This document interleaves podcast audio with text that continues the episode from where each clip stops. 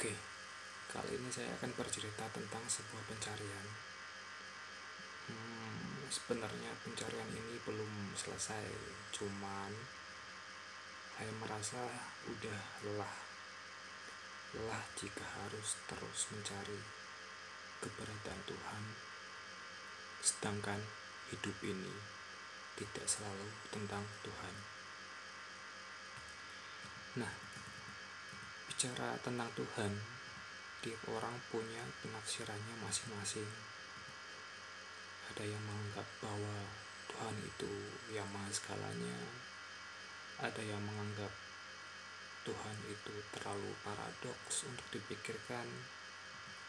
Ada yang menganggap Tuhan itu sesuatu yang tidak bisa dilogikakan. Memang ada banyak sekali penafsiran tentang Tuhan dan yang pasti, sosok Tuhan adalah sosok yang sangat disucikan. Sehingga ada banyak sekali orang yang mudah tersinggung ketika ada orang lain membahas perihal Tuhan. Tuhan itu apa sih? Yang jelas, Tuhan tercipta ketika manusia sedang terpuruk, sedang bertanya-tanya apa yang sebenarnya terjadi kekecewaan, putus asa, pokoknya tentang sesuatu yang tidak akan ada jawaban yang pasti. Maka di situlah sosok Tuhan hadir sebagai sesuatu yang diajak untuk berkomunikasi atau hanya sekedar melampiaskan emosional. Nah, Cak Nun Canon pernah melakukan kajian yang hasilnya bahwa dimensi ketuhanan adalah dimensi ketauhidan yang dilandasi oleh konsep ahad dan wahid. Setiap manusia adalah ahad-ahad yang menempuh perjalanan wahid. Sorry, yang menempuh perjalanan menuju wahid dengan metode tauhid Nah, menurut Cak Nun, ahad dan wahid adalah landasan ontologisnya. Ahad berarti penuhanan diri sendiri, sedangkan wahid adalah proses menuju Tuhan. Setiap orang berhak menentukan metode perjalanan, perjalanannya menuju Tuhan, entah itu melalui ketauhidan, agama, ataupun nihilis. Nah, saya ini seorang nihilis dan prosesnya teramat panjang. Bahkan saya sendiri nggak sadar gitu. Ketertarikan saya akan filsafat membawa saya kepada pertanyaan-pertanyaan seputar agama dan Tuhan. Dan ketika saya langsung melompat ke bahasan Tuhan kepala saya pusing rasanya hampir gila. Pertanyaan-pertanyaan selalu muncul dan selalu berhasil membuat saya apa ya kayak ya kayak frustasi lah. Tapi untungnya saya punya seorang seseorang yang saya anggap sebagai guru. Beliau adalah guru kakak saya waktu masih sekolah menengah atas.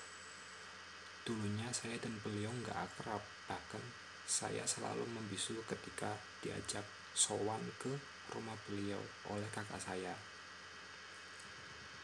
dan saya pikir kenapa pula saya mesti malu? Nah akhirnya saya nekat bertamu ke rumah beliau. Saya menjelaskan duduk perkaranya lalu beliau menjelaskan perihal agama. Ketika pertama kali muncul di Nusantara agama itu tokoh yang menyebarkan dan tokoh leluhur Jawa yang berhadapan langsung dengan tokoh itu. Setelah mendengarkan tentang agama secara historis tentang bagaimana harusnya orang beragama maka saya putuskan untuk kembali ke langkah yang pertama yaitu melogikakan agama. Bagi kalian yang selalu mengikuti tulisan saya pasti sudah sangat paham ketika saya membahas masalah agama lewat isai ataupun post di konten itu saya apa sering sering banget melogikakan agama berulang-ulang kali menanyakan agama berulang-ulang kali hingga membuat sebagian penikmat tulisan saya tidak kuat dan akhirnya memilih mundur. Ada juga yang memblokir akun saya. Ya memang perjalanan dalam melogikakan, melogikakan agama banyak sekali rintangannya tapi saya tidak mundur. Saya justru semakin berani melogikakan agama terlebih saat itu banyak sekali orang-orang yang menjual agama demi kepentingan politik. Nah, setelah puas melogikakan agama, saya beralih melogikakan Tuhan. Dan salah satu amunisi saya waktu itu adalah perkataan dari Karl Marx. Agama adalah candu menjadi topik utama dalam usaha saya mencari keberadaan Tuhan Katanya, hanya Tuhan yang selalu diingat ketika orang miskin kelaparan dan yang lapar itu bukannya berusaha untuk mencari uang, malah semakin terpuruk dengan berharap kepada Tuhan melalui doa atau keajaiban. Saya memerlukan waktu beberapa minggu untuk memahami kalimat agama adalah candu dan tulisan saya yang berjudul Tuhan Sudah Mati adalah babak baru dalam pencarian itu. Gini, saya pikir perkataan ketua komunis itu benar bahwa manusia harusnya berusaha agar bisa melanjutkan hidup, bukannya malah terus berdoa meminta keajaiban. Tuhan tidak akan mendengar doa mereka. Tuhan tidak akan memberikan apa makanan kepada mereka Tuhan tidak akan melakukan apa pun untuk menolong mereka. Jadi, mereka harus berusaha sendiri menggunakan keterampilan, tenaga, dan juga otak agar mereka tetap bisa makan. Nah, saya masih terus mencari keberadaan Tuhan. Lalu, saya memutuskan untuk mempelajari pemikiran Syekh Siti Jenar. Pemikirannya itu gini, Tuhan itu aku, Aku adalah Tuhan. Tuhan ada di dalam diriku. Muhammad itu aku. Akulah sang Muhammad pada abad ini. Maksudnya abad Siti Jenar itu. Nah, dari kecil semua umat Islam sudah didoktrin bahwa Siti Jenar itu menyimpang sehingga harus dihukum pancung. Tapi pers tapi perspektif saya itu lain. Menurut saya memang benar apa yang dikatakan Jenar bahwa saya ini Tuhan. Saya bisa melakukan apa pun untuk saya, untuk diri saya tanpa harus berdoa kepada Tuhan ketika saya sedang kelaparan. Tuhan itu emang benar ada di dalam diri saya. Tuhan tidak pernah jauh dari saya. Karena memang Tuhan tidak pernah pergi sejengkal pun dari saya. Memang benar tanpa saya sadari, saya selalu ingat kepada Tuhan ketika saya terpuruk mengharapkan sesuatu. Namun, ketika saya sudah senang, harapan tercapai, saya lupa akan Tuhan. Saya nggak lagi sholat, nggak lagi ngaji, nggak lagi apa ngelakuin ritual keagamaan. Nah dari situ saya mulai penasaran. Ceritanya dulu kan saya sholat lima waktu karena ingin bekerja di salah satu perusahaan nasional yang terkenal yang bonafit. Nah kebetulan keinginan keinginan saya itu terwujud. Tapi eh, setelah saya lulus kuliah, saya tidak lagi melakukan ibadah, tapi saya ingin bekerja di perusahaan terkenal juga, perusahaan finance. Dan akhirnya saya diterima di perusahaan itu. Nah saya jadi mikir emang benar saya harus berusaha dan yakin bahwa saya pasti bisa bekerja di sana. Karena menurut saya doa itu e, doa saja nggak cukup. Saya harus berusaha dengan mengandalkan kemampuan saya sendiri nah setelah saya puas melogikakan Tuhan saya apa ya ngerasa lelah. Saya lelah untuk terus mencari sesuatu yang nggak pernah pergi dari diri saya.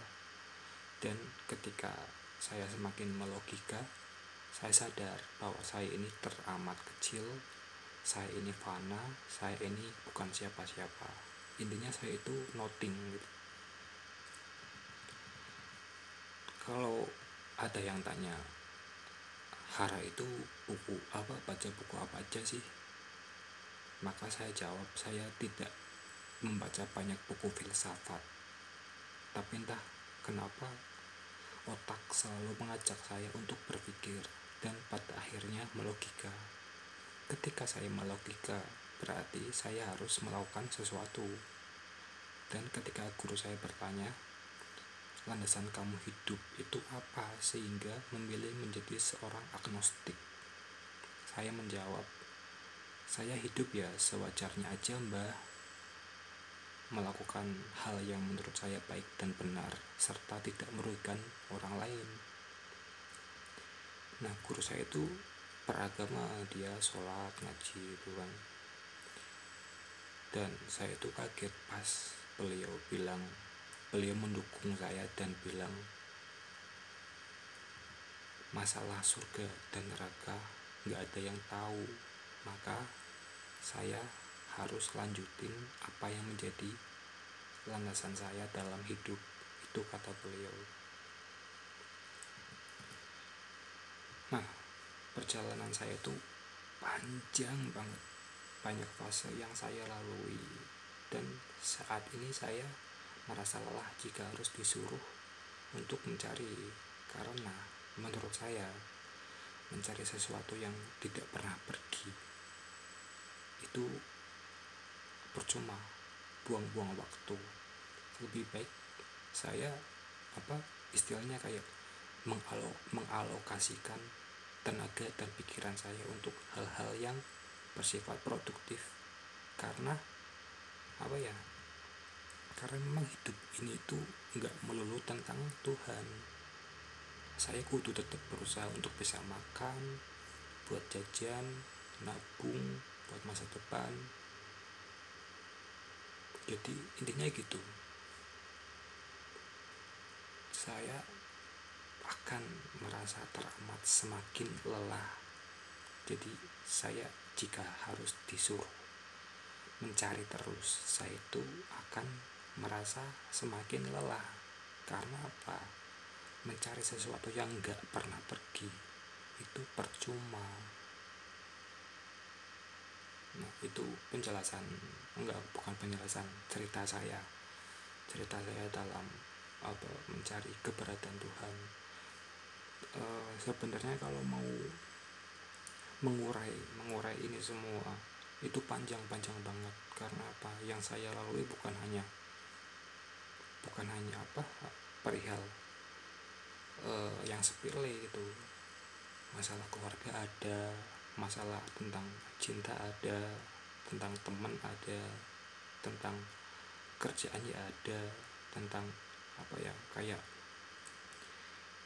ekspektasi yang yang di bawah itu jadi kayak saya punya ekspektasi tapi kok ternyata yang terjadi itu di bawah ekspektasi saya.